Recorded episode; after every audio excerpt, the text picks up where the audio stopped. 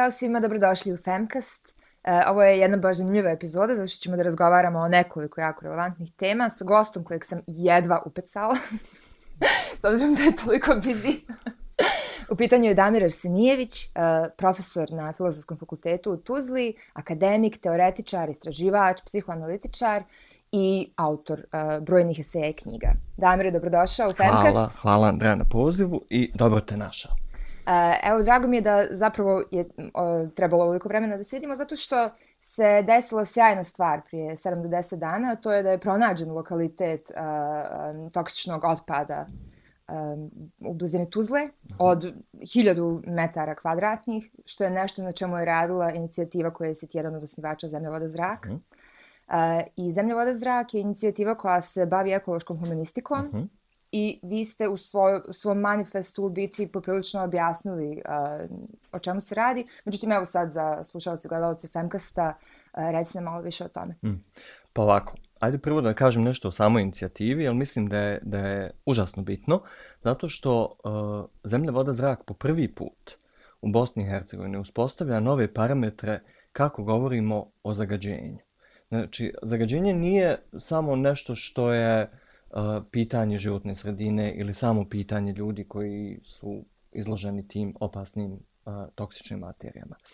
Zagađenje je ovdje a, posmatrano kao strukturalni problem i pitanje strukturalnog nasilja. Znači, zašto je to bitno? To je bitno iz jednog jedinog razloga, jer smo mi u zadnjih 25 godina u Bosni i Hercegovini naučeni da izolujemo određene incidente nasilja i posmatramo ih kao uh, fenomen, fe, fe, fenomene koji nemaju veze sa nekakvim uh, dubljim procesima u društvu. Ono što je meni bilo bitno jeste da uspostavim uh, ovakva zagađenja, preostali industrijski otpad ili odla, nepropisno odlaganje um, opasnih materija ili zakopavanje i skrivanje uh, ovog, ovog opasnog materijala kao pitanje nasilja kakvog nasilja? Ekološkog nasilja. Kad to uvedemo kao pitanje nasilja, onda možemo vidjeti koje su to elite ili grupe odgovorne za takvu vrstu nasilja. A, moj prvi a, doticaj sa ovom temom je bio još 2012. kad smo radili sa radnicama i radnicima Haka koji su odbranili svoju fabriku. I tad smo nailazili na, na određene dijelove fabrike Dite, gdje, o, jesam rekao fabrike Haka ili fabrike Dite? Dite, htjela sam ti ispraviti. Dita, ja, ja, zato što je ovo, ovo je zagađenje Bratske zapravo su, ovaj, u, u Haku koji graniči sa Ditom. E sad, a, radnice su nama obično govorile, e, nemojte tamo ići, tamo nema ni zmija, ni miševa, ništa tamo ne raste. Znači, mi smo bili svjesni da postoji neka vrsta opasnosti koja vreba tamo i uništava i ne samo životnu sredinu, nego i zdravlje radnica i radnika koji su... Koji su a koja se negira. A koja ne samo da se negira, koja se prečutkuje. Ne samo, znači, to nije više ni na nivou negacije. Da, da. To je samo, e, znači, ajmo da, da zakopamo to. E, pošto sam ja dugo vremena radio na, a, na genocidu i na nestalim osobama, jer sam vodio odjel za civilno društvo cijelu bivšu Jugoslaviju u Međunarodnoj komisiji za nestale osobe. Mm -hmm ja sam shvatio da postoji ista logika skrivanja e, ekološkog otpada kao i ljudskih ostataka. Znači, ista e, logika zločina. Sakri zločin da se ne vidi. I, i moj prvi, prvi negdje projekat je bio, ovaj, se zvao Mass Graves and Hazardous Waste, gdje sam ja htio da kažem da nama se rat još nije završio. Nama se rat nije završio a, kroz masovne grobnice, gdje postoji još uvijek te sakrivene masovne grobnice gdje mi čekamo da, ste, da se ostaci e, identifikuju, da se prvo lociraju, identifikuju i onda sve dalje što, što slijedi. Ali i sa ovim opasnim materijama ratna logika još uvijek funkcioniše kroz tlo. Ratna i kroz zrak i kroz vodu. Znači mi smo, mi, ajde ovako da kažem, mi ingestiramo rat i ratnu logiku kroz disanje, kroz jelo, kroz piće, vode i tako dalje. Znači, mi moramo, ako ćemo da se potpuno oslobodimo toga, moramo da dokinemo tu ratnu logiku. Što znači, moramo isto tako, kao što lociramo a, skrivene masovne grobnice, moramo da lociramo i ova skrivena a, a, mjesta gdje su zakopani otrovi. I početak je upravo bio na tome da se u haku a, krene sa detekcijom koliko, koliko je zapravo zemlje kontaminirano. Jer ta kontaminacija zapravo znači na kraju a, žrtvovanje određenih populacija i određenih geografskih zona gdje život postaje nemoguć. Znači mi, posta, mi, mi imamo mini uh, dijelove gdje gdje se život ne može održati. Imamo te određene zone u neposrednoj blizini grada gdje mm -hmm. porodice, generacije umiru od um, kancera, kancera tako, i raznih tako, genetskih tako. mutacija i tako mm. dalje. I negdje se potiče ta politika rezilijentnosti kao mi to možemo da izduramo i kao ono što se ne vidi ovaj, i da ne postoji. A to je najveća ideološka zamka danas. Jeste, Zapravo, da. najveća ideološka zamka, znači politics of resilience je ono što se prodaje, što međunarodna zajednica nama prodaje, a to je nastavak humanitarizma. Zapravo, mi smo humanitarnom pomoći e, bili naučeni i istrenirani da prihvatamo minimum uslova preživljavanja ali što znači da, da, da taj minimum preživljavanja dovodi do alienacije i otuđenja u društvu. I, i to je, to je jedan, jedna, pod tim se uvodi privatizacija. Samo da ja a, preživim, samo da a, obezbijedim sebi i svojoj porodici da opstanemo. Da, I na kraju to znači samo da ne puca. Znači sve mm -hmm. što se nudi je okej, okay, dok nije gore. Ali zapravo to je, to je tiho treniranje ljudi, baš kao što su ove uh, slanja ljudi na čekanje, uh, otpuštanja. To je, to je vrsta upravljanja ljudima, ja to zovem governance through poverty, znači upravljanje kroz siromaštvo.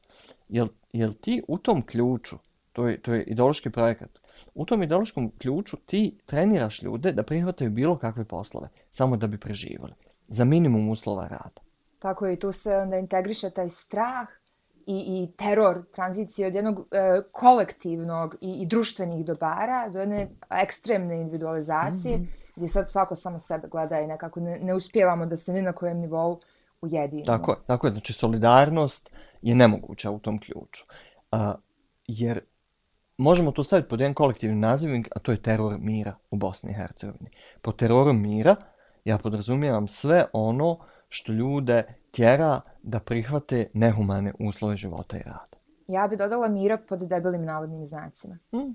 Ja sam neko vrijeme provela van Bosne i Hercegovine, par godina sam studirala vani i kad sam se vratila imala sam uh, poprilično jak osjećaj da u Bosni i Hercegovini dalje traje hibridni rat koji dalje možda ne možemo do, do kraja da razumijemo, ali vrijeme će pokazati. Mm. I šta ti misliš, da li će, evo, ovaj, u nekoj skorijoj ili malo dalje u budućnosti, postojati određene teorije koje se bave vrstom ratovanja kako se dešava sad i hoćemo li te ekološke zločine tretirati kao ratne mm -hmm, zločine? Mm -hmm. Oni trebaju svakako, ja mislim da mi trebamo da pokrenemo suđenje za ove ekološke zločine, ali ja mislim da to uh, treba da bude jedna intergeneracijska koalicija koja će to da radi, jer nisu zatrovani samo mladi koji se rađuju sad. Mladi koji će se rađati za 100 godina će mm -hmm. da trpe ove posljedice. Znači, mi imamo dužnost i obavezu da ostavimo mehanizme koji će mladim ljudima omogućiti da održe život ovdje. Eto, to je to. Da, i na koji način su se mladi uključuju, da li se uopšte uključuju u vaše, vaše aktivnosti? Da li postoji ta intergeneracijska saradnja? Postoji, postoji donekle. Ono što jeste problematično jeste sama, sa, sama skala problema, jer um, uh, svugdje gdje se okrenemo vidimo neku vrstu pušto, pustoši, vidimo uništenje, vidimo nemogućnost, vidimo a, obesrabrivanje. Ono na čemu ja insistiram jeste kako mi možemo istovremeno da pobrojimo sve ono što, što nam prijeti, ali istovremeno da produkujemo neku vrstu nadajućih politika. Znači, uh, Raymond Williams je to jednom jako dobro rekao. On kaže, um, ne trebamo se fokusirati na a, uh, to da je beznađe uh, izgledno, već da je nada ovaj moguća. Zapravo kako on sve čime smo mi danas okruženi uh, čini beznađe uvjerljivim. Ljud, ubjeđuje vas, znači od političkog sistema do svakodnevnog života vi, vi konstantno bivate ubjeđeni da nema nade. E sad, to je najteže ubrnuti. Kako iz, tih, iz, tih, iz tog beznađa ovaj, e, izvući neku vrstu nadanja kroz otpor. I ja mislim da mladi ljudi već pokušavaju da sebe pronađu, a to je, to je opet problem kako se locirat kao subjekt. Ko sam ja u ovom društvu, uh, gdje je moje mjesto, šta mi pripada, a šta ne. Jer mislim da je teret mladima danas, da je dosta, ter, da, je, da je dosta odgovornosti, prečutne odgovornosti, prebačeno na njih. A u tom smislu da oni čute i da prihvate status quo mm -hmm. i da sebe ne mogu pozicionirati da traže nešto drugačije. Da i čini mi se kao da se mladi sve manje bave okolišnim aktivizmom. To jeste, ne, ne mogu reći sve manje, naravno ima puno organizacija koje se time bave, ali upravo zbog te politike beznađa. Ali negdje postoji ironija između politike beznađa i politike poricanja. Gdje ovdje smo jako dugo imali problem sa samim to što kažeš, priznavanjem da postoje te mm. i ilegalne deponije, koje kakve toksične materije odlagališta, da postoje određeni problemi. Mm. Čak i kad pričamo o feminizmu i e, pravima mm. žena, jako često će sistem da odgovori kao ne, ženama nikakva prava nisu uskraćena. I postoji definitivno taj, ta kultura deniala, mm -hmm. gdje se mi negdje nalazimo među prostoru između priznavanja toga da, da nema nade i da ništa ne valja i negdje poticanja mm -hmm. te vrste ideologije, mm -hmm. da bi ljudi odustali, a istovremeno imamo i negiranje bilo. Mm -hmm. Mislim, baš smo u nekom paradoksu. Ali, ali nije to nemoguće. Svaka ideologija, uh, definicija ideologije je da, da je to fantazija koju dominantna elita kreira kako bi uh, sakrila uh, uslove svoje nemogućnosti, znači i, i cijelosti. Mm -hmm. Znači, i, ideološki poredak nikad nije cijeli. Znači, ne postoji jedan totalitet. Uvijek mora postojati takozvani simptom koji uh, je mrlja u toj ideologiji. Naravno, dominantna elita se uvijek usmjeri na tu, na tu mrlju, na taj simptom, da je izbriše, ubije, uh, E, negira, kako bi sebe konstantno produkovala cijelom. To je teorija ideologije, kako je vidi psihoanaliza. I nije, ne, nije paradoksalno to što ideologija spaja ne, međusobno nespojive ovaj, stvari. Znači, u jednoj rečenici na zapadu vi možete reći uh, e, migranti dolaze da uzmu naše poslove i da uzmu ove uh, unemployment benefits. Mm -hmm. Nije to nemoguće spojiti, to, to će u istoj rečenici neko reći. Znači, uh, to je, ne, ne postoji tu uh, nekakva vrsta logičkog razmišljanja ili, ne, to, to je pitanje ostrašćenosti. A kad, kad je li, i politika je zapravo ostrašćenost. I u toj ostrašćenosti razne kontradikcije mogu da se zašiju i da dobijete neki Frankenstein od priče, pogledajte teorije zavjere teorije zavjere mogu najbolje funkcionišu upravo što su luđe i što naj, najudaljenije elemente spajaju. Mislim, najbolje teorije zavjere su zapravo vicevi donekle, ono gdje su, gdje, gdje su potpuno suludi.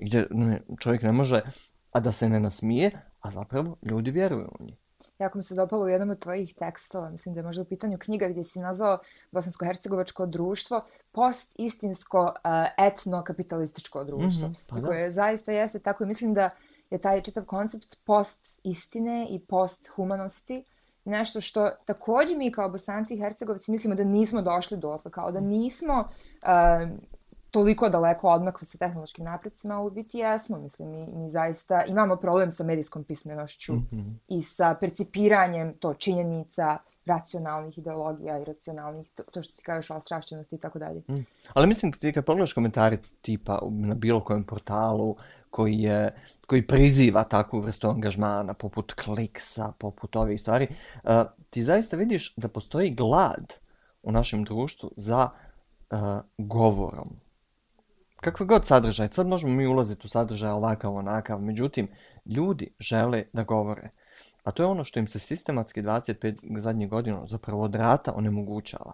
Znači, ti nemaš prostora da daš ljudima da govore. I zato su pomeni plenumi 2014. bili jako bitni, jer su prvi put omogućili da ljudi progovore u javnom prostoru, van svojih kuća, van tog privatizovanog prostora gdje oni misle da ništa ne mogu i onda svoje nezadovoljstvo, bijes, a, tugu iskaljuju na, na članovima svojih porodica. I zapravo onda mi tu imamo razrešenje velikih društvenih drama u jako malom prostoru porodice, gdje se porodice raspadaju, gdje moraju da trpe koje kakve stvari zbog toga što su članovi predsjedništva nešto radili, rekli ili tako to. Znači, konstantno imamo prebacivanje odgovornosti i to je, to, ako, ako zamisliš, to su kao one neke mikro, mikro pucketanja.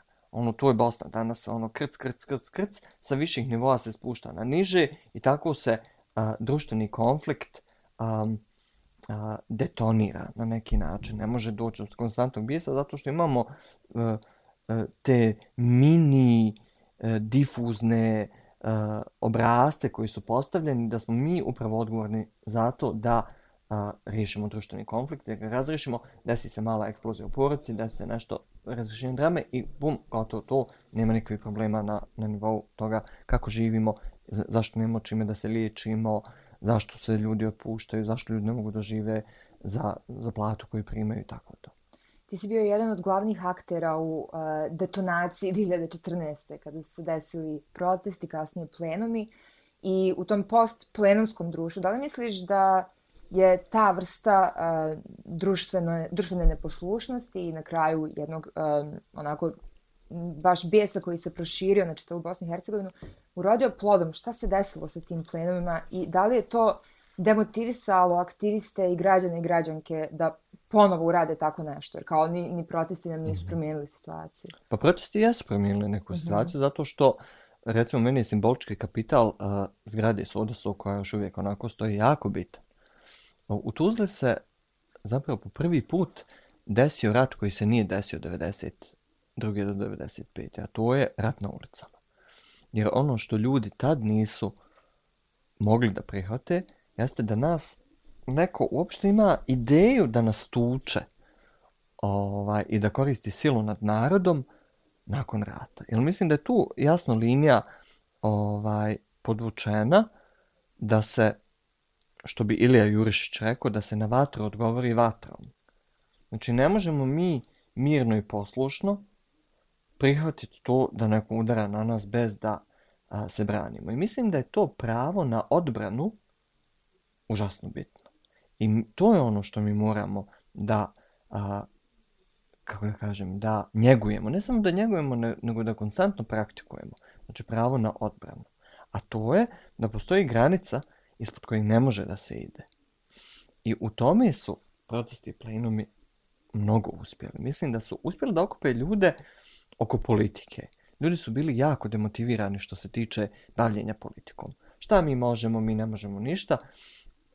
Ali isto tako, da mi nemamo kao društvo mehanizme uticaja na dejtonski politički sistem koji u kojem ljudi koji su u njemu 24 sata dnevno koriste naša javna sredstva da sebe održe na vlasti. Znači, mi nemamo taj luksuz da brinemo o tome kako radimo, kako gradimo neku vrstu zajednice u smislu državotvornosti zajednice. Ka, šta, je, šta, je, šta znači upravljanje zajednicom? Znači, imamo ljude koji 25 godina imaju strukture koje su izgradili, upompavaju naše pare u to i znaju kako to da rade. Nasuprot tome imamo jedan popularni revolt koji eksplodira, koji je uspio u Tuzli upravo zato što se godinama prije toga gradila solidarnost između mladih, nezaposlenih, radnika na čekanju, radnika u fabrikama koji su e, čuvali svoje fabrike, sindikata. Napravila se tu neka protogrupa koja je mogla da vjeruje jedna drugima. I to je, to je jako bitno ovdje, pitanje povjerenja. Upravo, da, zato što je nepovjerenje jedan onako dosta toksičan. Nepovjerenje se simptom. produkuje. Znači, nepovjerenje se konstantno produkuje i ona je upravo jedna vrsta toksičnog narativa koji cirkulira našim ovaj društvom i ono te vodi u privatni prostor. Znači, ti, ti prepuštaš javni prostor drugima misliš da unaprijed nema ništa od toga, jedino što ja mogu je u moja četiri zida. Mm -hmm. e, I zato su plenumi bili super, zato što su uh, ljudi rekli, aha, jel, vi nećete nama sad da date uh, dvojanu BKC-a, e pa mi ćemo u nju ući i uzeti, jel je naša. Ta vrsta artikulacije, to, ljudi ne mogu, um, kako se to našem, you cannot unknow what you know. Ne možeš uh, odneznati ono odneznati što... ono što... Zna. Znači, ti možeš poreknuti to, mo, mo, možeš, možeš negirati to, možeš zaboraviti to, ali ono je tu. Ono je tu kao naše iskustvo. I mislim da je na tom drugom nivou to jako vrijedna lekcija. Da mi imamo sekvencu sada organizovanja kako možemo doći skupa oko nekih tema. I proizvesti otpor.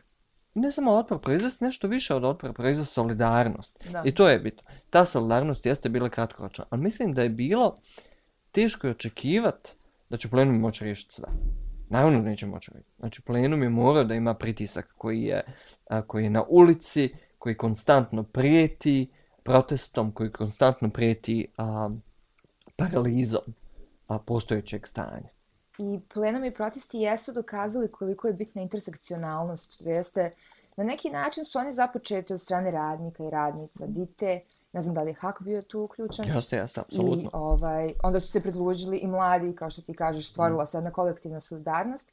I zaista smo dokazali to da uh, negdje mi kao op, grupe u opresiji, znači uključujući i žene mm. i tako dalje, možemo da se ujedinimo protiv tih patriarhalnih mm. etnokapitalističkih struktura i da se nešto mm. desi. I sad, ono što se desilo jesu neke pozitivne stvari. Dita je godinama nakon toga zapravo i oživljena i sad mm. funkcioniše i dosta dobro posluje. Mm -hmm. uh, I sve zašto se i zemlja, voda, zrak zalaže, donekle se dešavaju pozitivni koraci, mm -hmm. kao što mhm. sam već pomenula, pronađeni su, ako ništa, ti lokaliteti gdje se nalazi kakše materije. I to je neki prvi korak koji je bio jako važan možda i, i krucijalan za ovo sve.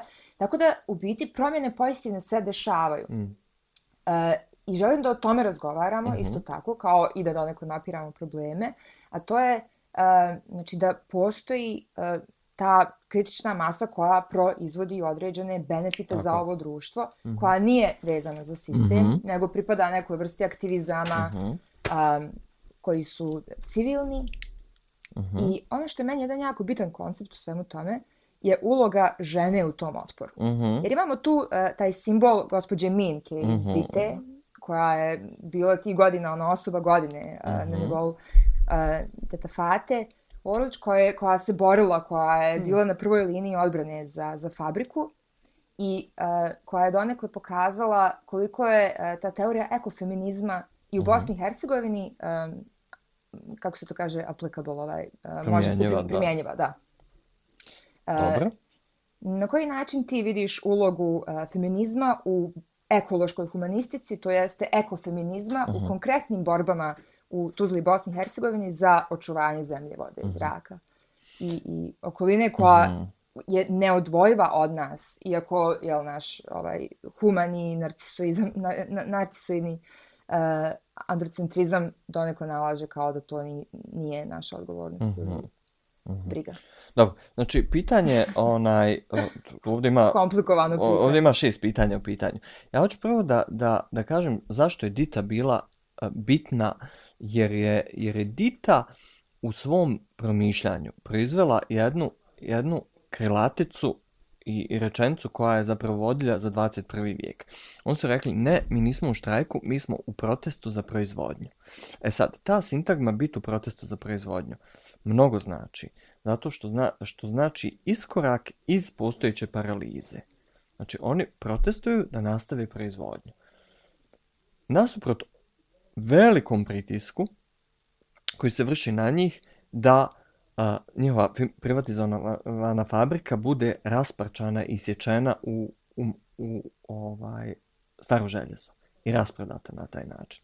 Znači, a, ono što su a, radnice i radnici dite uspjeli da izvuku jesu pitanja a, koja su u našoj a, zaostavštini socijalizma bila već tu u odnosu na one lekcije feminizma koje su već kod nas bile primijenjene. Jer a, mi ne smijemo zaboraviti da a, revolucionarni rat i borba protiv fašizma je istovremeno bila emancipacija žena.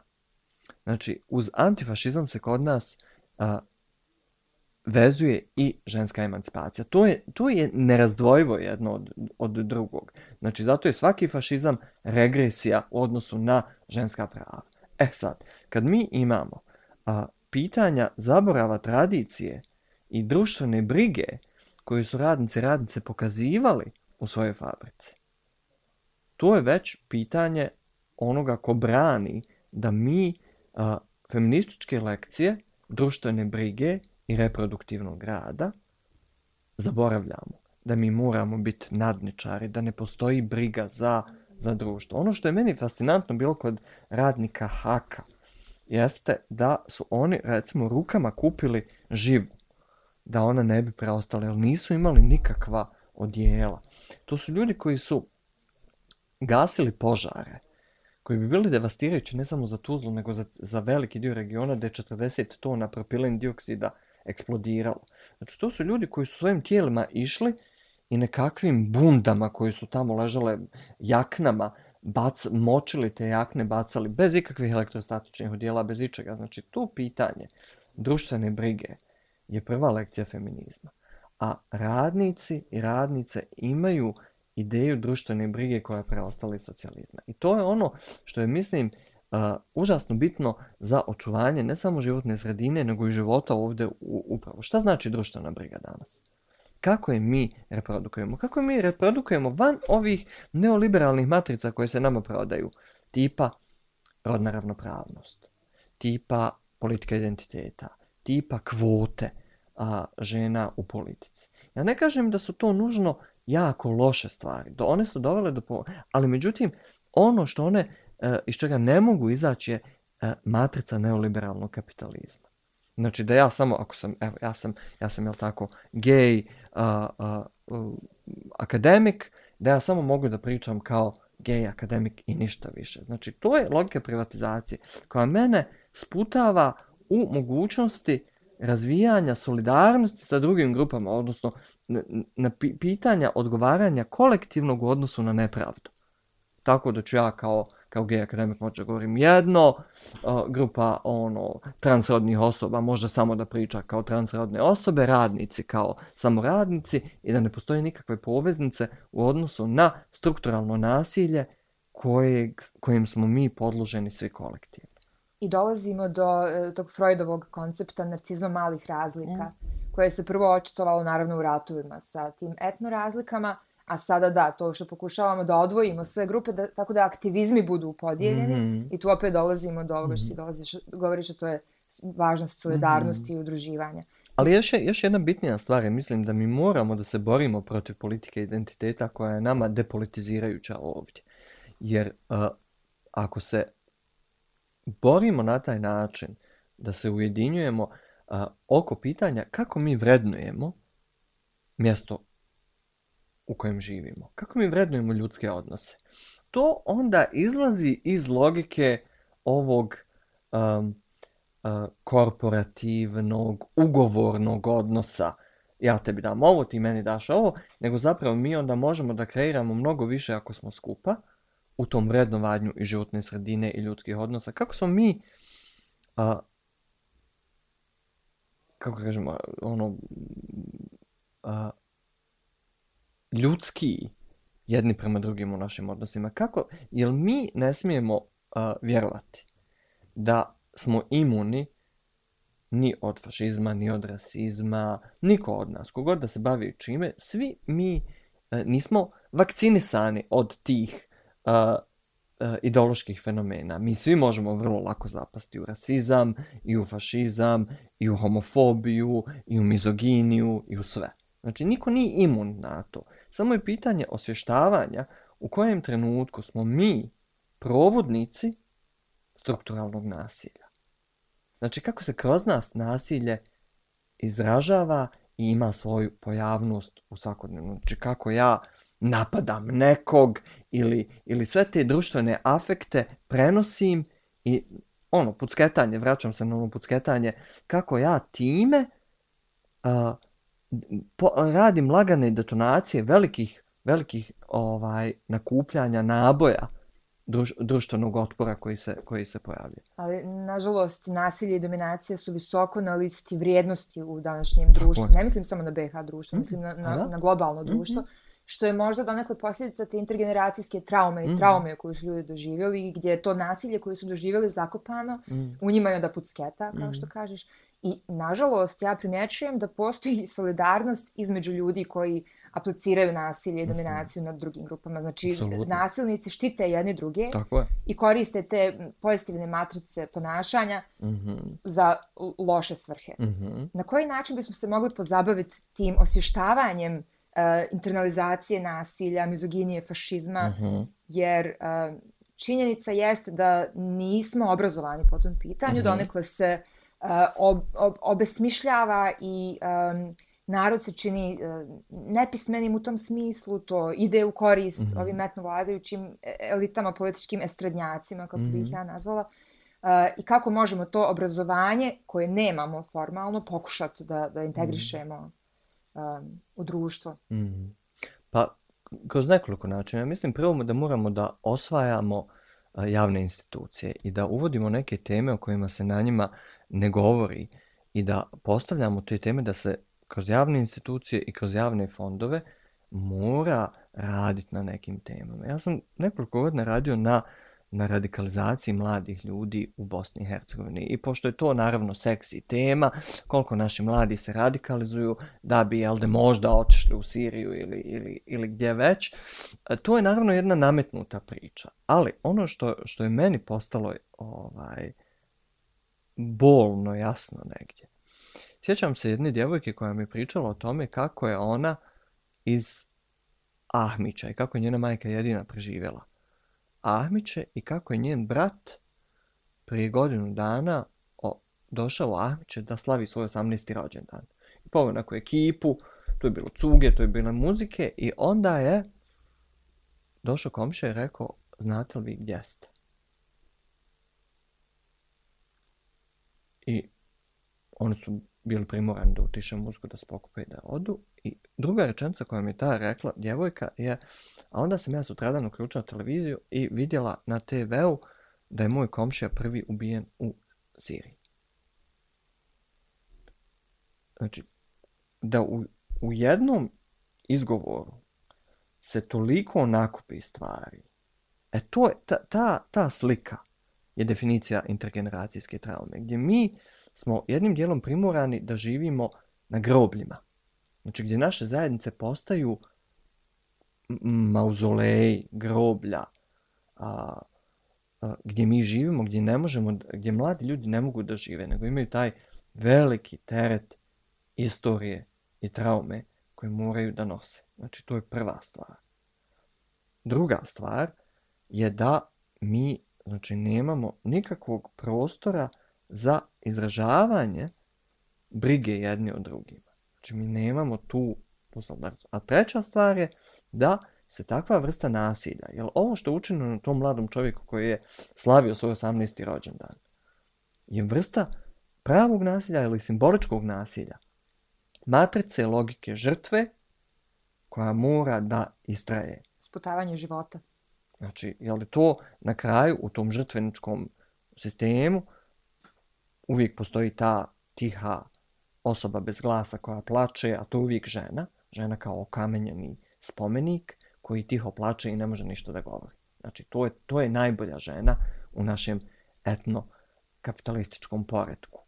Ona koja čeka svog ratnika, muža koji je negdje ubijen i ne može više ništa da kaže i odgaja djecu po nekakvim nekakvim principom. Znači, mi imamo razne vrste iskliznuća, razne vrste procijepa u kojima se mnoge dobre stvari mogu desiti. E sad, ono, da se vratim na tvoje pitanje, to je e, šta možemo, šta možemo uraditi. Zato što se nasilje glorifikuje. Ali nasilje u onom smislu e, ne dokidanja postojećeg e, poretka. Ne samo. I, to, i, i, to, i tu mislim da, da postoji, to je ono gdje će desnica da jača, gdje da jača u, u svijetu, a to je zato što je desnica na sebe uzela pravo da se kao kobajagi brine za društvenu pravdu i za potlačene i oni njima daju njihovu slobodu o, odnosno svoju slobodu predaju njima, da se oni bore za njih.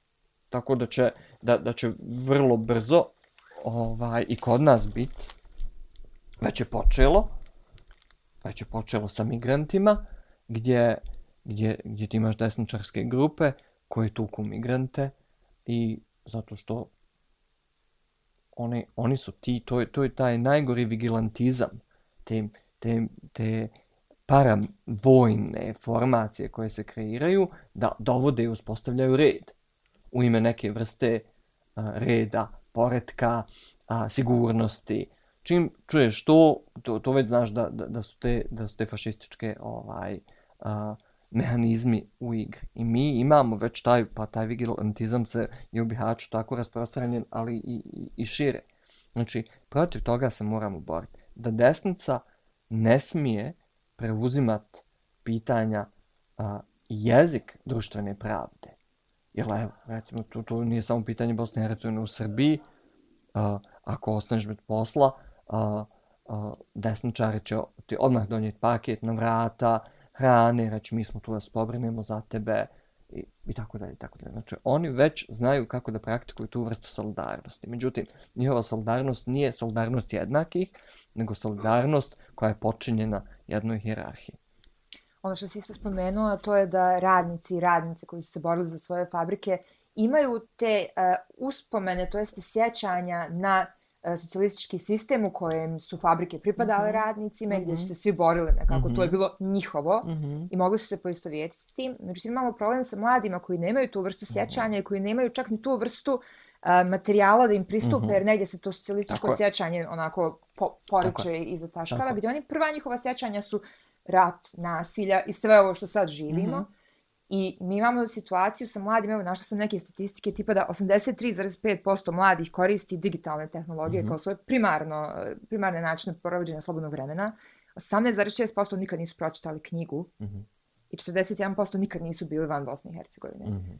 To su meni zastrašujuće statistike kako mladi žive danas i ka, mislim, super pa ih ima, zato što jako puno ih odlazi, Međutim, kako možemo da zaustavimo tu uh, krizu mladosti? Pitam te kao pedagoga, kao osobu koja radi, kao profesor, ti si jedini deklarisani kvir profesor na univerzitetu uh -huh. i, i neko ko može da opresiranim grupama kvir u studentima, studentima bude neka vrsta uh -huh. um, podrške I, i mislim da možeš da mi odgovoriš na pitanje kako da pristupimo toj krizi ne samo mladih generalno, nego i dječačkoj krizi, to jeste krizi mm -hmm. mladića, mm -hmm. koji sve više igraju te nasilne video mm -hmm. igre, koji odlaze, imaju e, te eskapističke tendencije mm -hmm. u e, područja i prostore koji su nasilni mm -hmm. i u kojima se nasilje vrednuje, mm -hmm. to jeste borba, okupacija i tako dalje.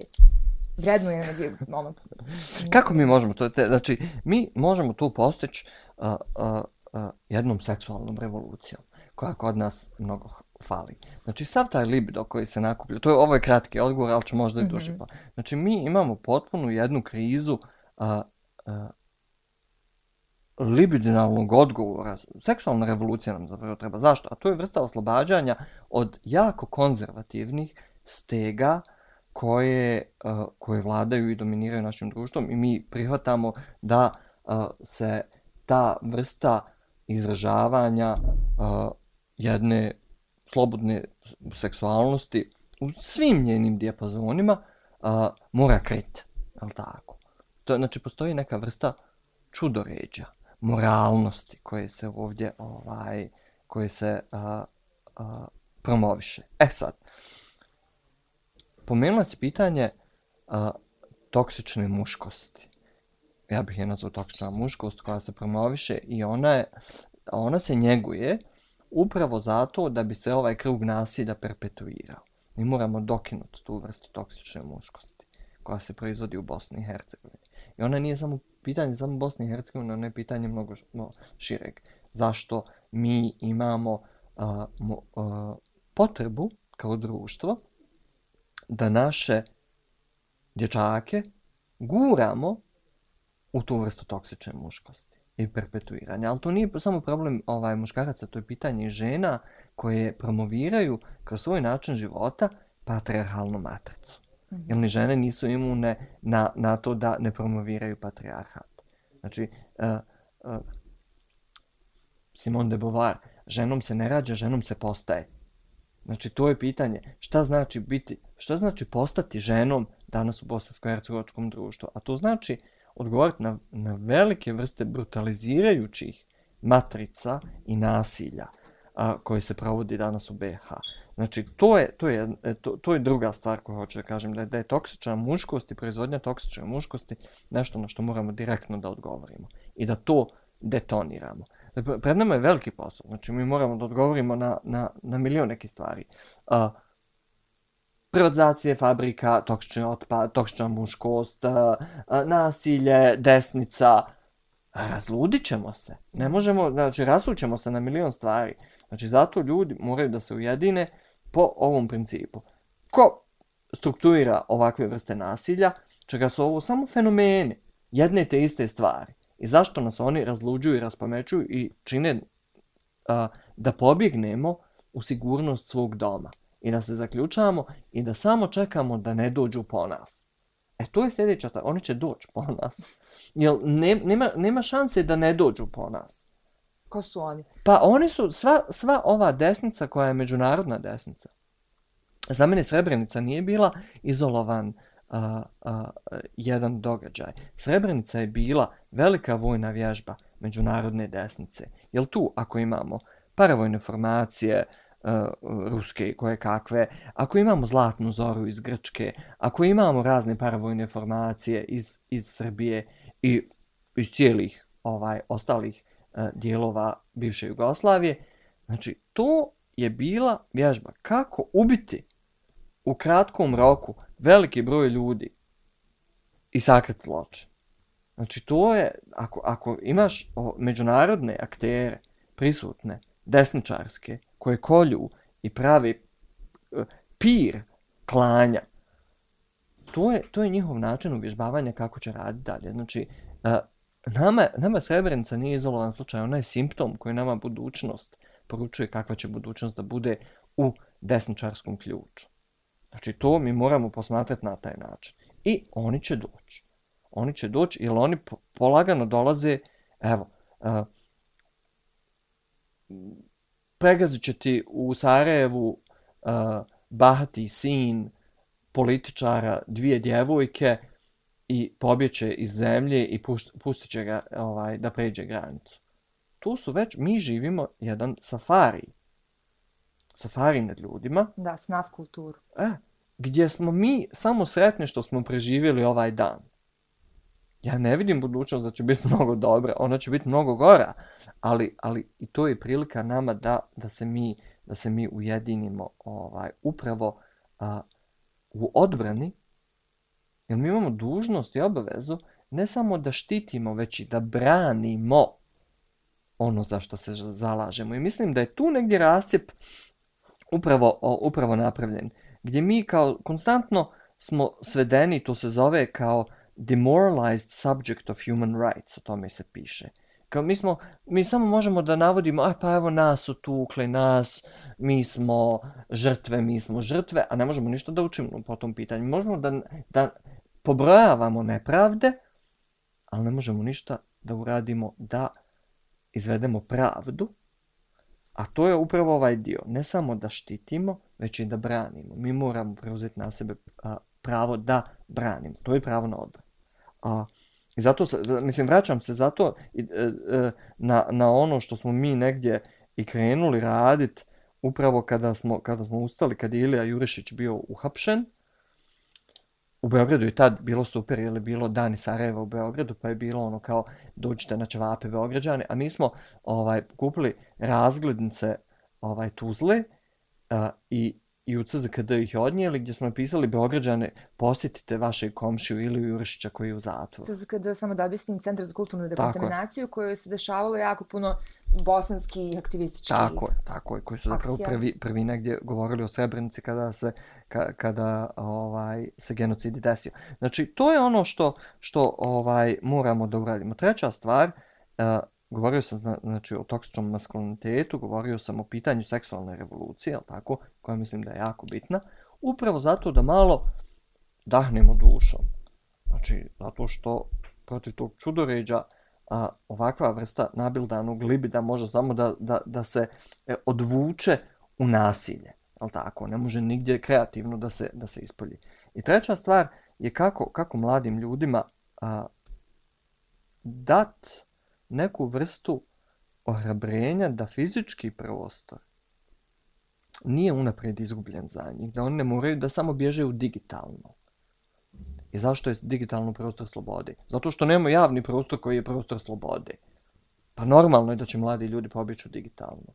Ko ne bi? Pa svi mi bježimo u digitalno zato što nam je život u, u fizičkoj realnosti neizdržljiv. Jer ništa u materijalnosti i pojavnosti ovog svijeta u kojem mi živimo ne govori da nam, da nam daje neku vrstu uzbuđenja, nade, uh, neku vrstu, da nas bustira malo. Znači ništa, ništa, zato što je ovdje sve sivo, uh, oronlo, siromašno.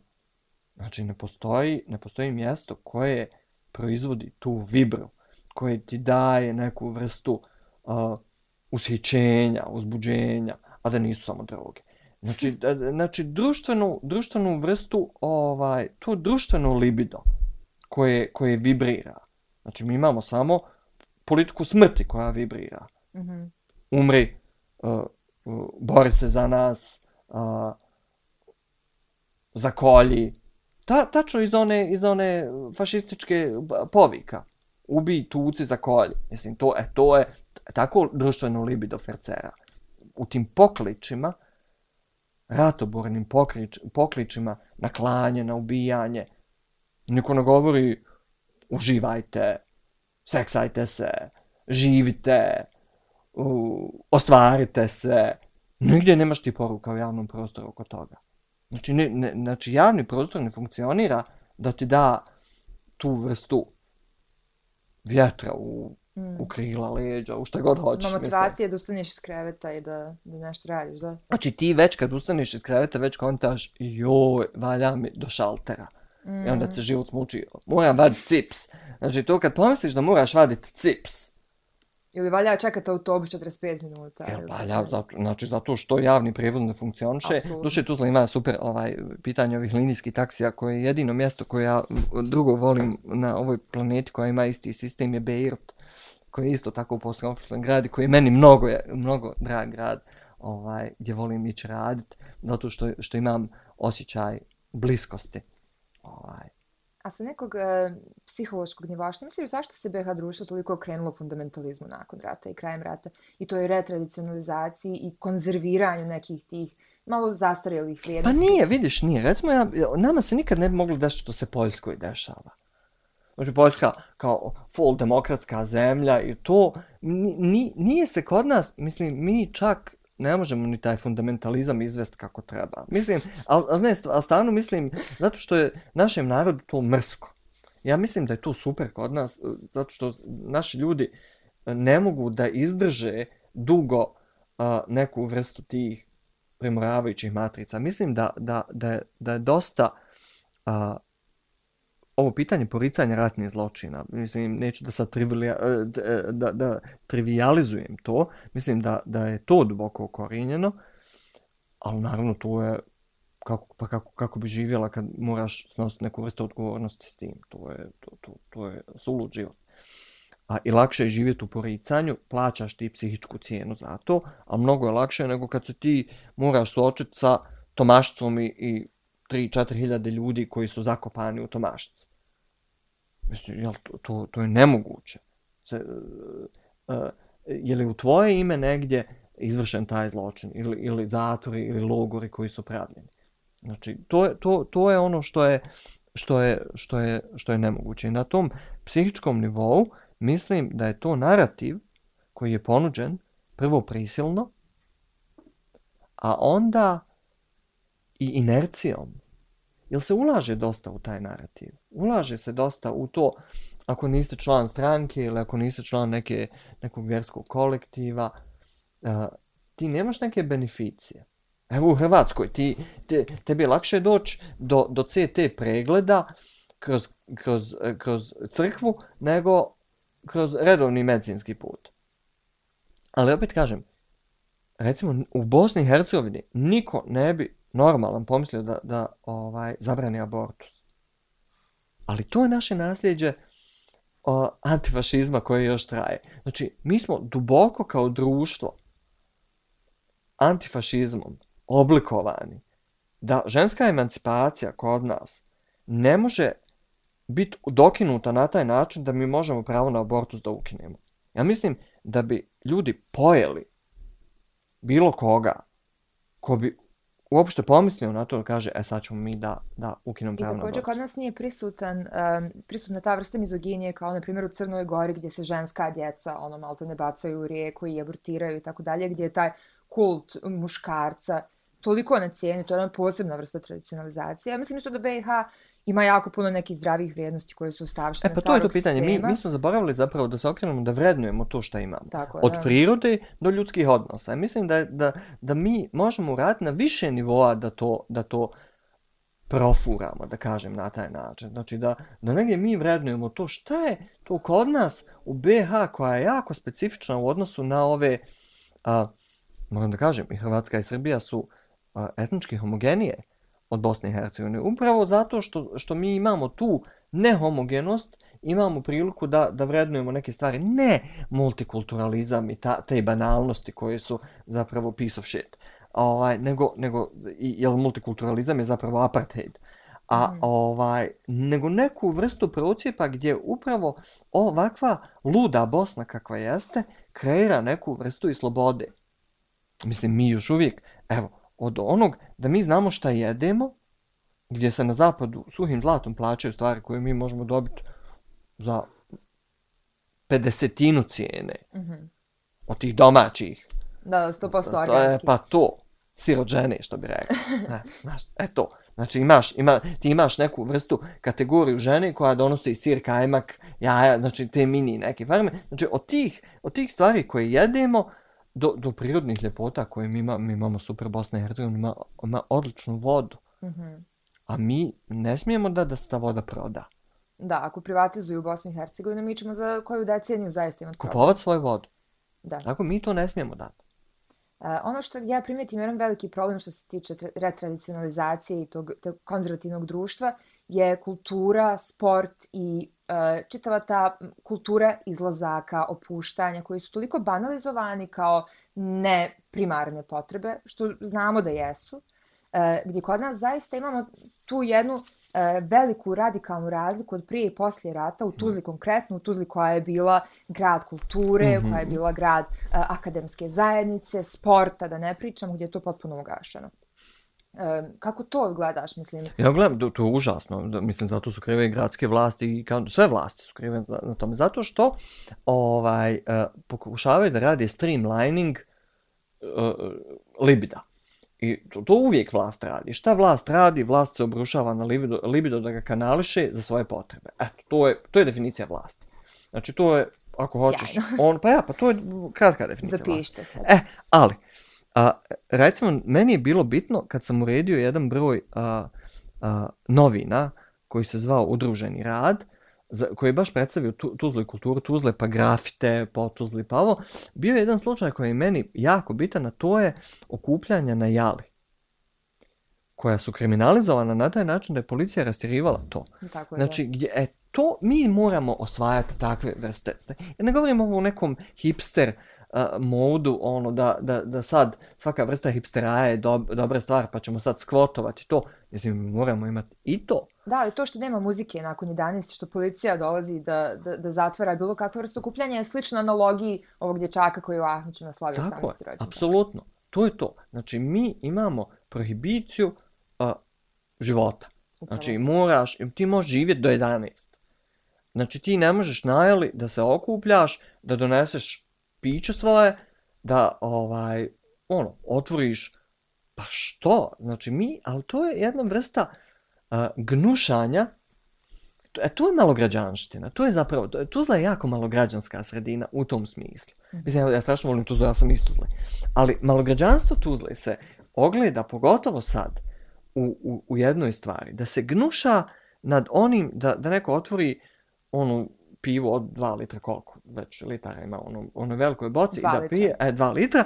Znači, mi imamo neki kvazi, kvazi buržujski pogled na to, fuj, vidi ono, to ne valja, oni prljaju vama, tamo istina prljaju, pokupit će djeca to za sobom i trebaju da pokupe. Ali zato moraš izaći u, šta znam, neki fenseraj i to je kao ok, ili malo manje nešto fancy. Ili još gore šiša bar, koji je, koji je vrhunac svega sukus onog što je zlo. Razumiješ? znam Je li to infantilizacija? Stavit ću ti u usta nešto, ti ćeš to sisat i, i nećeš misliti ni o čemu. To je eto, na tom nivou, e, znači, uh, ang, angažman libida kroz, kroz uh, bukvalno to, uh, sisat ćeš šišu, nećeš ništa reći, zaglupljivat ću te time, infantilizirat ću te time, na taj način da ne preuzmeš odgovornost za svoj život. Eto, to je mnogo lakše, mnogo je lakše uzeti čišu i, i sisati je i ne misliti o životu, nego otići na jelu, kupit uh, dva litra piva i okupit se, skupa se, ono, gitara, nešto. Mislim da je to bilo, i to trebamo više promovirati, na to trebamo se više okrenuti, da mi napravimo kanal, mi, ko smo mi? Mi smo oni koji ne žele sve ovo što nam se nudi kao jedino moguće.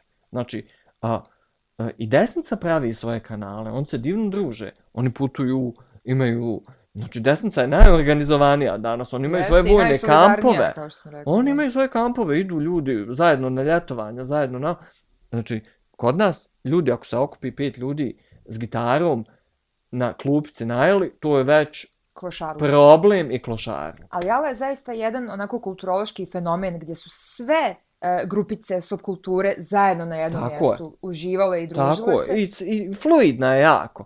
E, Da. to, je- e, e, e, to je libido. To pokreće libido drugačije. I Malo ćeš zaista teklo je kao rijeka, ono. ima neku vrstu pokreta, ima neku vrstu nečega. E mi moramo takve vrste prostora ovaj, praviti.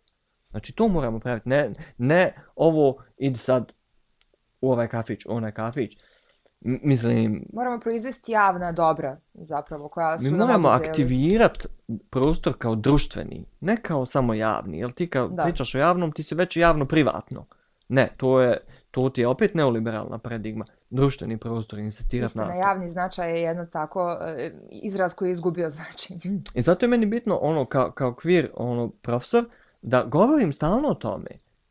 Znači, e, e, univerzitet je mjesto za, za razne seksualnosti koje, koje su nevidljive, koje ne mogu biti vidljive, kojim ništa ne daje a, mogućnost da budu vidljive i da sebe reprezentuju i da, da sebe validiraju kroz to prisustvo. Koliko god identitetske politike bile nešto što jeste malo već sad možda i zloupotrebljeno od strane ne samo desnice, nego i, i, i brojnih drugih um, washing Mhm. um, inicijativa.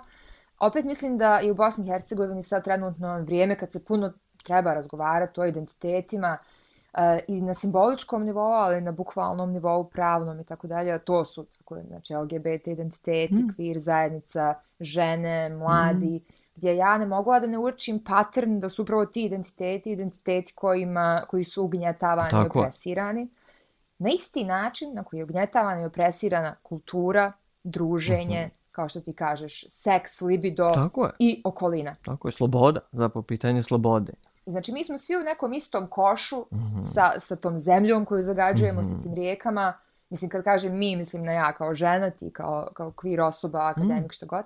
Um, I sad negdje, naravno, da u- ugledam taj patrijarhat kao um, pozadinu svih tih opresija, to jeste te tendencije ka dominaciji. Mhm. Međutim, sad kroz razgovor s tobom počinjem da razmišljam da li je patrijarhat uzrok ili simptom. To je super pitanje. Da. Ja mislim, ja mislim da je, da je istovremeno jedno i drugo. Pa da. Jer se pa- patrijar, ne, ne postoji patrijarhat kao, nije patrijarhat sad ova olovka koja je zabijena ovdje i tu ona je ko monolit. Ne, pa, znači kao i svaka ideologija, patrijarhat je fantazija koju određena zajednica pravi o sebi i, do, i elita koja je promoviše da dokine u, u uslove svoje a, necijelosti, nehomogenosti. Znači, njeni patri, a i taj patrijarhat vrlo dobro počiva na homosocijalizaciji. Da. Body politics, pa ćeš ti meni ovo, ovo, znači, e, taj patrijarhat je naučio kako da crpi libido iz ljudskih odnosa da bi, da bi se održao u životu i promovisu interese određenih ovaj klasa. Eto, to je to. Znači, nije to neki monolit sad kojeg ćemo mi moći e, razdijeliti, nego za mene je stvarno pitanje kako mi možemo proizvoditi libido i kako ga možemo divertirati u ne u ove svrhe koje su koje provode nejednakost, nego kako mi možemo u međusobnim odnosima e, uh, praktikovati jednakost, otvorenost, iskrenost koja je bolna, brutalna i, i, i teška, ali samim tim je premamljivija, jer ti daje neku vrstu slobodu. Od odnosa, ono, prijateljskih, uh, društvenih, ljubavničkih, uh, kako može biti jednak? Jako je bitno uh, kreirati te scenarije i prikazati ih pogotovo mladim ljudima. Mm. Jer kao što vidite razne primjere nasilja, dominacije tih vrijednosti, treba im kreirati paralelni uh, splet scenarija koji, koji su upravo ovaj, mm. izgrađeni na tim vrijednostima koje ti govoriš. Međutim, da bi se to desilo, uh, zdrave uh, ljevičarske liberalne politike trebaju imati pristup medijima, što je u mm. trenutačnoj Bosni i Hercegovini zaista problem. I čak i ako postoje mediji koji se bave tim kao što ne znam, i Radnički univerzitet i jako puno inicijativa u kojima koje si ti uključen, kako doći do publike koja je šira, kako učiniti to razumljivim za, za ljude koji nisu ono isto mišljenici. Pričat, stalno pričat, znači mm -hmm. konstantno, ali pričat u smislu onoga da mi javni prostor ovaj aktiviramo, da, zašto mi ne napravimo jedan veliki skup na jali? Na jali, na ljeto, ovaj, nadam se da će dotad biti vakcincan, ovaj, ali, ali zaista da napravimo tu vrstu okupljanja gdje možemo pričati o ovim stvarima. Gdje možemo pričati, pit, uh, plesat, svirat, razumiješ, sve ono što, što, što ide uz to i da, i da govorimo o ovom, jel, jel je jala mjesto gdje mi možemo da govorimo, jala je medij. Tako je, da. Znači, jala je medij, nije samo ono, podcast medij. Znači, jala je mnogo veći medij o tome, je je fenomen koji vibrira, koji odašilje određenu vrstu poruke i, i mora sebe uspostaviti kao, kao medij. Znači, pano, tweet, nešto, grafit, raznu vrstu poruke. Ja mislim da je ta... Da, mi e, nevrednujemo razne neviđene vrste komunikacija koje se dešavaju. I upravo zato što sam kvir, ja sam naučio da cijenim te subtilne znake koje u, u, u, u toj u homofobnoj sredini a, a, su natjerali kvir ljude da razviju svoj kod govora, prepoznavanja i, i, i pravljenja nekom vrsta prostora slobode. Znači, mi, mi imamo načine kako možemo komunicirati. I mi komuniciramo od, šta znam, od grafita do, do, do tweeta, do, do nekih, nekih vrsta postavljanja postita na, na, na klupama, na, mi, znači mi možemo to uraditi. Samo je pitanje kad ćemo početi. Da, I što nismo već počeli? Sve može da bude komunikacija i aktivizam od razgovora sa taksistom do, do digitalnog ja, aktivizma. Ali ovo je pitanje kako ćemo masovno to napraviti. Ja mislim da jedino u Zatuzlu mene jedino to vezuje. Da mi možemo da idemo pa šta, krenut, krenut od, od nekakvih stvari i aktivirati ono što je već postojalo. Da, i postoji tu, mislim, jako puno osvještenih ljudi i, i nije, um, jeste malo građanska sredina, ali nije ekstremna koliko može da bude. Ja sam na Tuzlu nekad jako posebna. Baš voljela da se vratimo sad na onaj segment koji sam uh mhm. -huh. spomenula. To je šta je sve pozitivno u BH društvu i u Tuzlanskom društvu. Da se malo prisjetimo svih tih stvari koje možda zanemarujemo zato što postoji ta jedna javna, medijska, uh -huh. um, onako promicanje te, tog bezna, beznađa, mm. depresije, sindroma žrtve i svega mm. što smo već naveli.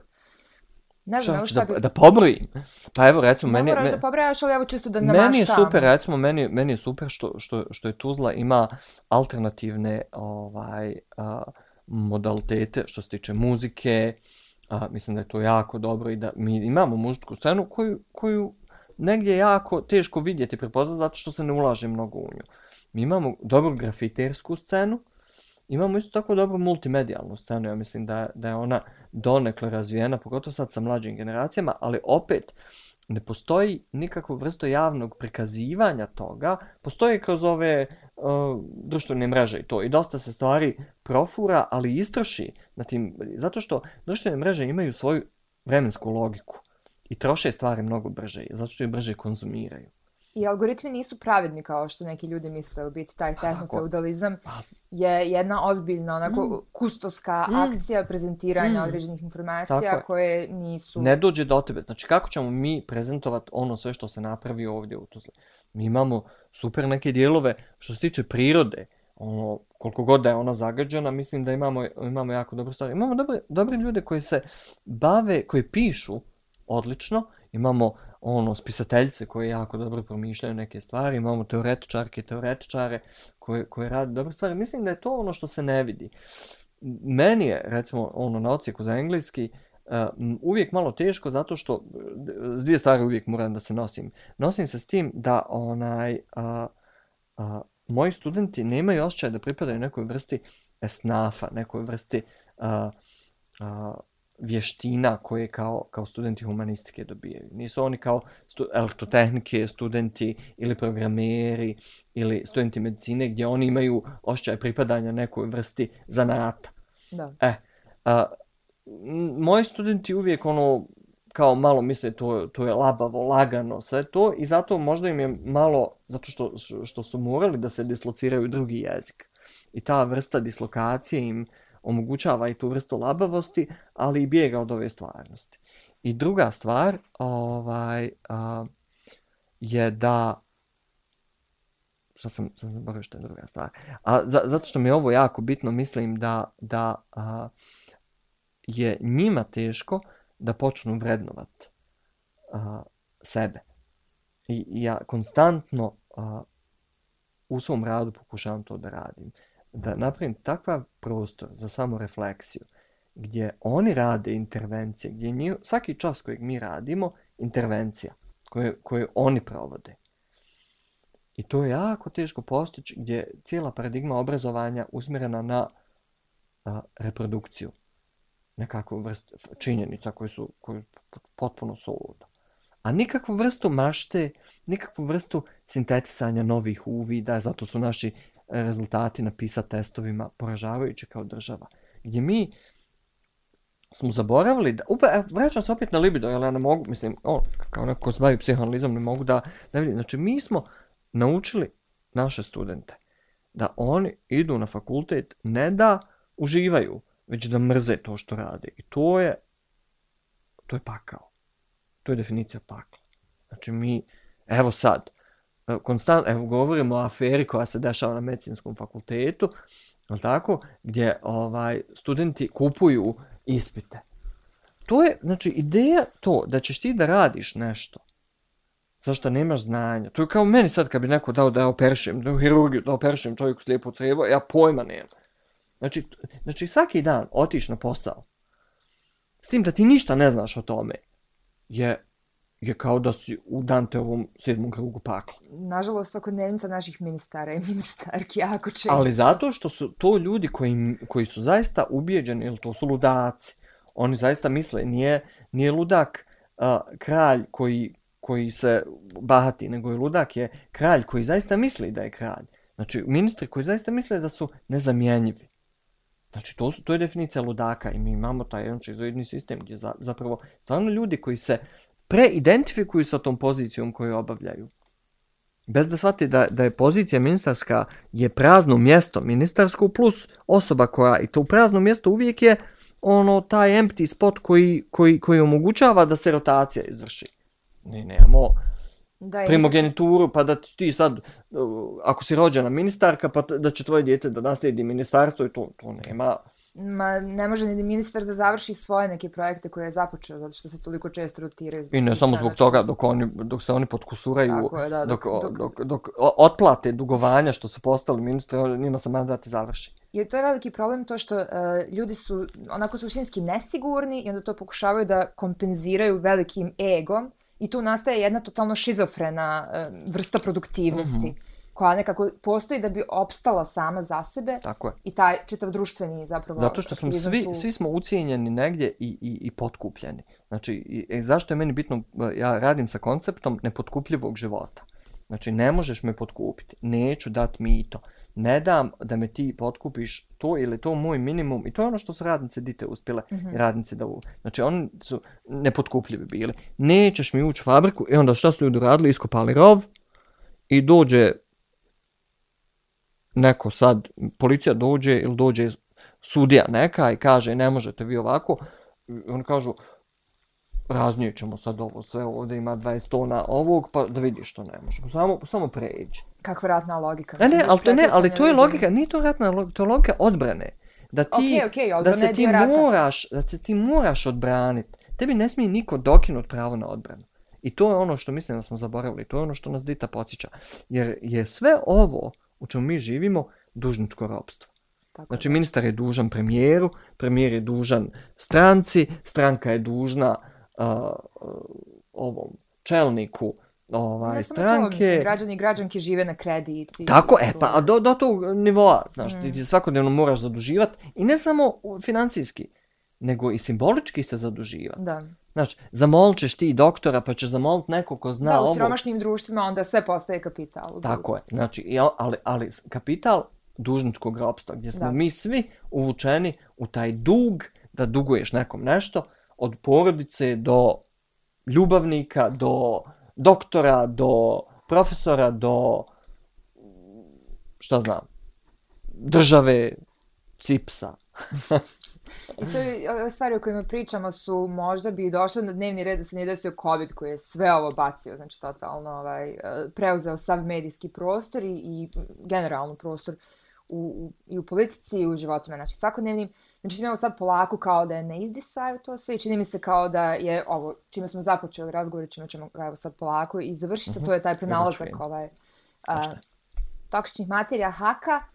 Ponovo se kao vraćaju na scenu te teme koje su mhm. važne teme, koje su teme koje su možda i kojima je COVID pomogao da se reintegrišu u mhm. naš svijest, da negdje vidimo koliko smo neodvojivi mm. od prirode, od svog obrazovanja, od kapitala, znanja mladih, koliko sve mora, sve mora, na svemu mm. mora da se radi. Mm. Prosto ne možemo da postavimo prioritete, jer jedno vuče ka drugom i svi smo u nekoj među, među sprezi.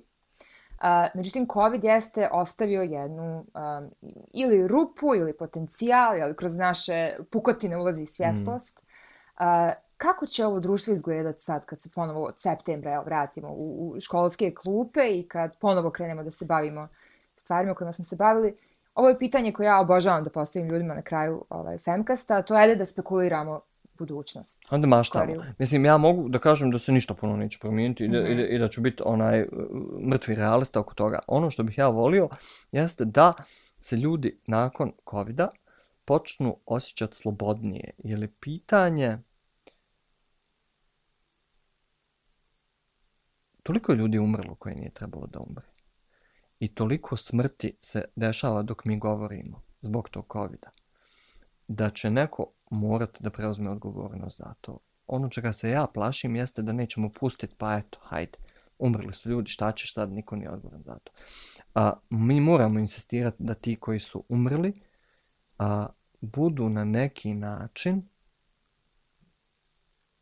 ne komemorirani. Komemoracija je pogrešna stvar, ali neka vrsta a, odgovornosti vlasti koja je brutalno ih ubila kroz neznanje, nesposobnost, javašluk. Da, da ćemo to nekako ovaj insistirat a, I da nemar na kraju, da. Pa to, to, to, bukvalno, i, i to su ubistva. To su ubistva na jednom kolektivnom nivou da će, da, da će za taj zločin neko odgovarati.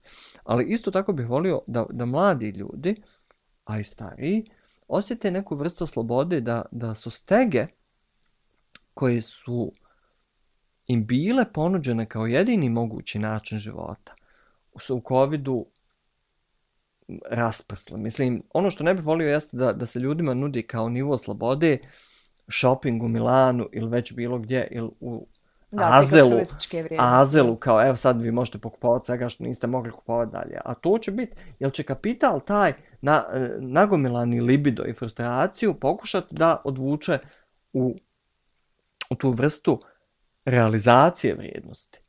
A transformacije rada i obrazovanja, misliš li da vode ka slobodi, koja kroz disciplinu i može da bude aktualizirana, u smislu toga da više ne moramo da, da budemo nužno na radnom mjestu, da smo malo... Ovaj, ja bih to volio, ali bi isto tako onaj, uh, u, u takvoj vrsti uh, uh, uh, pravljenja rada nečim što je casual, imamo dosta, ima, ima logika privatizacije koje se moramo boriti. Znači, aha, ja imam svoj kompjuter, pa ću ja da budem svoj ofis i moje vrijeme i onda ti se rad, uh, ti radi 16-17 sati. Da. Zapravo, ne. Mi moramo da smanjimo vrijeme rada, a da imamo veće vrijeme uživanja. I zato hoću da poslije uh, COVID-a imamo okupljanja fizička, a i virtualna, gdje možemo ovakav emancipacijski uh, način artikulisanja i proizvodnje libida da uspostavimo. Od jale do nečeg masovnog na, na online. Od uh, raznih prostora do, do, do, do mini uh, aplikacija koji će nas odvesti. Do, do govora. Da, da to provibrira na jedan drugačiji način, a tu će nam stvarno jedino uh, dobra umjetnost pomoć. A misliš da će se učenici i studenti htjeti vratiti u, u ono stanje koje su napustili? Pa ja se nadam da neće. Ja se stvarno iskreno nadam da neće, ali, ali je i tu tenzija između onog, mislim, ja zbog, zbog vlastog zdravlja radim online. A, sve. Ali isto tako i cijenu plaćam zato što sam radim online. Jer, jer dosta obrazovnog i pedagoškog rada jeste susret da. dvije osobe. I fizički susret je jako bitan, jer mi i neverbalnom komunikacijom prenosimo mnogo toga, ne samo verbalnom komunikacijom. Mislim da, da ćemo moći naći neku vrstu hibrida gdje će biti moguće. A hibrida u odnosu na ono da ne pristanemo na idiotizam birokratije, gdje on meni kaže, aha, ti si danas bio u čionci i uh, ispunio si svoju kvotu. Ne znači štikliranje, nego pravi susret. Znači pravi susret ako smo a, odlučni na njega, jer susret je a, i, i ljubavni susret, i susret prijatelja, i susret u učionici, znači šta znači susret se sa ljudima oko neke teme. Mi moramo razmišljati o tome, jer, jer će to pobuditi interesovanje ljudi za, za drugačije vrste obrazovanja, a ne samo puko asimiliranje nekih činjenica kao da, da, da, da je faktografija jedina moguća ovaj, vid mjerenja produktivnosti. Ja, da.